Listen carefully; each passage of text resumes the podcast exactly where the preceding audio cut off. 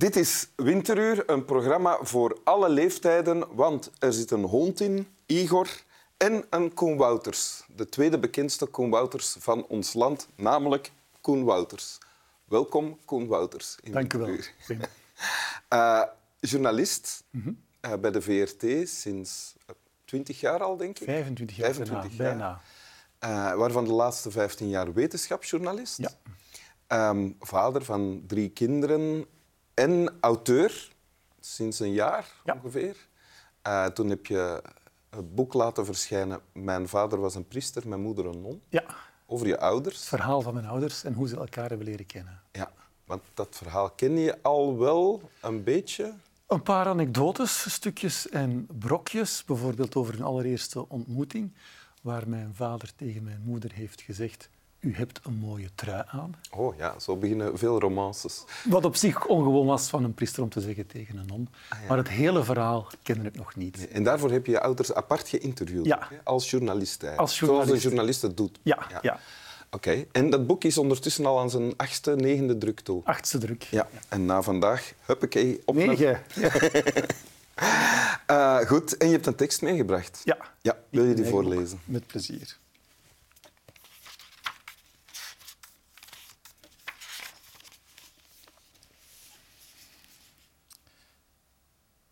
We hebben meestal maar één verhaal te vertellen. Ik bedoel niet dat ons maar één ding overkomt in ons leven. Er doen zich heel veel gebeurtenissen voor, waar we heel veel verhalen van maken. Maar er is er maar één dat ertoe doet. Maar één dat uiteindelijk de moeite van het vertellen waard is. En dit is dat van mij. Maar dat is meteen het eerste probleem. Als het je enige verhaal is, dan heb je ook het verhaal dat je het vaakst hebt verteld. Al was het maar, zoals in dit geval, voornamelijk aan jezelf. De vraag is dan, brengt al dat steeds weer vertellen je nu dichter bij de waarheid van wat er gebeurd is? Of er juist verder vanaf? Ik weet het niet zo goed. Staat er nog? Ik weet het niet zo goed. Ja. ja. Oké, mijn vermoeden is dat het eh, antwoord op de vraag brengt het steeds weer vertellen van je eigen verhaal aan je nu dichter bij de waarheid van wat er gebeurd is of er juist verder vanaf. Mijn vermoeden is dat het antwoord is er juist verder vanaf. Dat laat de auteur nog even in het, eh, in het midden. Oké. Ja. Eh, maar waarschijnlijk wel, omdat je elke keer opnieuw je verhaal bijstelt. Eh, en, en dat is ook wat mij een beetje fascineert in, in deze tekst. Is, eh, Het is van Julian Barnes. Julian Barnes, het enige verhaal. Het is een, een, in C een soort liefdesroman. het, het enige verhaal waar het over gaat is de grote liefde van het hoofdpersonage. Een jonge man van eh 19 jaar die eh, verliefd wordt op een vrouw die getrouwd is, die eh, zijn moeder zou kunnen zijn. ja. Maar zijn moeder niet is. Zijn moeder niet is. Nee, voor alle duidelijkheid. Dat is een ander verhaal. Dat is een ander verhaal. Eh, uiteindelijk, ehm, die romance duurt een tijd. Uiteindelijk, want ze is getrouwd, gaat ze weg bij haar man, gaan ze samenwonen.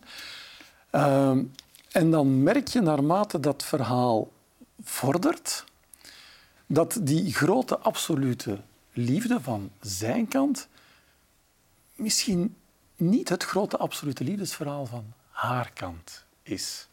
En naarmate het verhaal vordert, eh, merk je dat het enige verhaal misschien toch niet het enige verhaal is. En dan voel je wat er hier ook staat. Hè.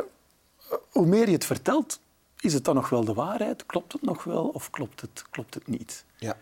En dat fascineert mij. Ja, want het, het eh, fragment dat je komt voor te lezen begint met we hebben meestal maar één verhaal te Ja, vertellen. ja. Klopt dat Ja, volgens jou? dat klopt. In, in het geval van mijn ouders bijvoorbeeld, is dat een, vind ik, dat is hun verhaal. Dat is, iedereen maakt in zijn leven één belangrijk verhaal mee.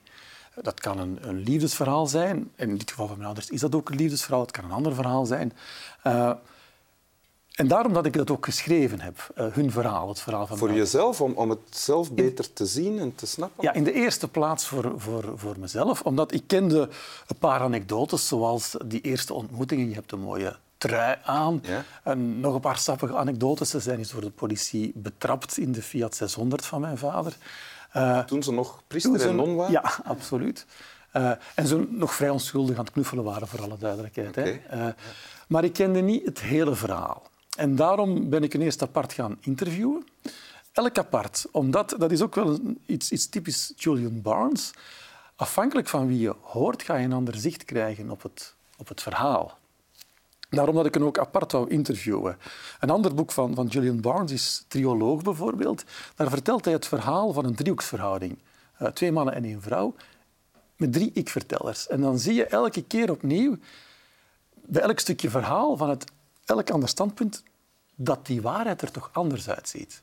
En was dat in het geval van jouw ouders ook zo? Goh, dat viel redelijk goed samen. Uh, Oef. Ja, gelukkig. Ja. Ze hebben natuurlijk ook al 40 jaar gehad voor ik eraan begon om hun verhaal af te stemmen op elkaar. Ja. ja. Uh, dus dat viel wel, viel wel mee. Maar ik heb het wel bewust apart gedaan. Omdat je dan toch wel een ander verhaal krijgt. Nu, ik heb het verhaal van mijn ouders verteld alleen met mijn ouders. Maar als je nu bijvoorbeeld, dat ik niet heb gedaan... Uh, hun broers of zussen zou interviewen, of uh, medezusters of medeconfraters, zou je ook weer een ander verhaal krijgen. Ja. Uh, en dat bepaalt wel ja, het gezichtspunt. Wat ik mij ook afvraag, mm -hmm. bij gewoon die eerste zin, we hebben meestal maar één verhaal ja. te vertellen. Ik denk dan, is dat waar? En wat is dan mijn verhaal? Ik weet niet meteen een antwoord op die vraag. Daar moet je daar eens over nadenken. Hè? Wat zou jouw verhaal zijn? Ja. ja. Niet, weet jij dat voor jezelf? Ja, ook niet zo duidelijk eigenlijk. Uh, dus dan moet je daar eens over nadenken. Daar ik ook eens over nadenken. We zullen na de uitzending eens samen hard en diep nadenken. Is, je bent natuurlijk, waar ik ook aan ja. moet denken als je dit meebrengt, is je bent journalist hè, al lang en nu wetenschapsjournalist. Ja. Een journalist brengt ook altijd een stuk van een verhaal. Ja, Hij brengt het als, verhaal. als het verhaal wel. En als de waarheid. Ja. Uh, en daar zit ook wel een stukje een, een, een parallel. Uh, omdat uiteraard als journalist moet je proberen de waarheid te brengen. Maar in wetenschapsjournalistiek uh, is de waarheid voortschrijdend inzicht. En in de corona-epidemie is dat soms gebruikt als een soort scheldwoord. Maar dat is wel hoe het werkt. Wetenschappers nemen iets aan. Uh, ik neem Gaan dat onderzoeken, een hypothese ja. wordt gefalsifieerd ja. en dan is, wordt er ja. een andere aanname uh, ja. En op een gegeven moment is er een soort consensus. Hè. Uh, we geloven met z'n allen dat 13,8 miljard jaar geleden het hele universum ontstaan is met een oerknal. We nemen dat aan. Er zijn heel veel goede argumenten voor, heel veel bewijzen voor. Maar als daar nu over 100 jaar een andere wetenschapper komt met een beter verhaal, met betere argumenten, wordt dat de nieuwe waarheid. En, maar om terug te komen op corona dan, als jij dan uh, dat verhaal bracht, uh, zag jij het dan ook als jouw taak om dat verhaal, om dit ook mee te geven, van dat is wat we nu weten, Met, uh, en dat kan ja. morgen of volgende week anders zijn Ja. of niet helemaal kloppen? Dat is wat we nu weten met de huidige kennis, met de huidige stand van zaken, met die slag om de arm altijd. En is je dat gelukt om dat goed... Ik hoop het. Dat zal nooit volledig gelukt zijn. Dat, zal nooit... dat is ook een moeilijk verhaal. Hè? Want je, bijvoorbeeld, een heel delicaat, de vaccins. De Ja? eerste resultaten over hoe goed dat ze gingen beschermen, die waren veel beter dan wat uiteindelijk bleek. Maar dat Ja. komt ook omdat er intussen nieuwe varianten waren. Ja. En dan moet je dat altijd, zoals het er nu uitziet, met deze resultaten, met die variant, beschermt het zo goed tegen besmetting. Tegen eh, ernstige ziekten en overlijden hebben de vaccins altijd goed, goed beschermd. Maar je moet altijd die nuance meegeven. Ja. Die waarheid kan En schuiven. daarom is het belangrijk dat er zoveel mogelijk mensen naar deze aflevering van Winteruur kijken. Het is altijd belangrijk dat er zoveel mogelijk mensen naar Winteruur kijken. Klopt. Wil je het nog eens voorlezen? Met heel veel plezier. Ja.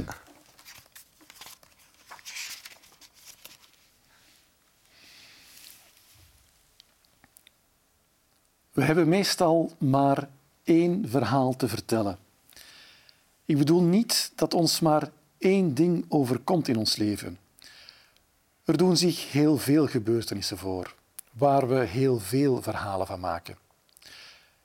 Maar er is er maar één dat ertoe doet. Maar één dat uiteindelijk de moeite van het vertellen waard is. Dit is dat van mij. Maar dat is meteen het eerste probleem. Als het je enige verhaal is, dan is het ook het verhaal dat je het vaakst hebt verteld. Al was het maar, zoals in dit geval, voornamelijk aan jezelf. De vraag is dan, brengt al dat steeds weer vertellen je nu dichter bij de waarheid van wat er gebeurd is, of er juist verder vanaf? Ik weet het niet zo goed. Dank u. Plezier. Slap wel.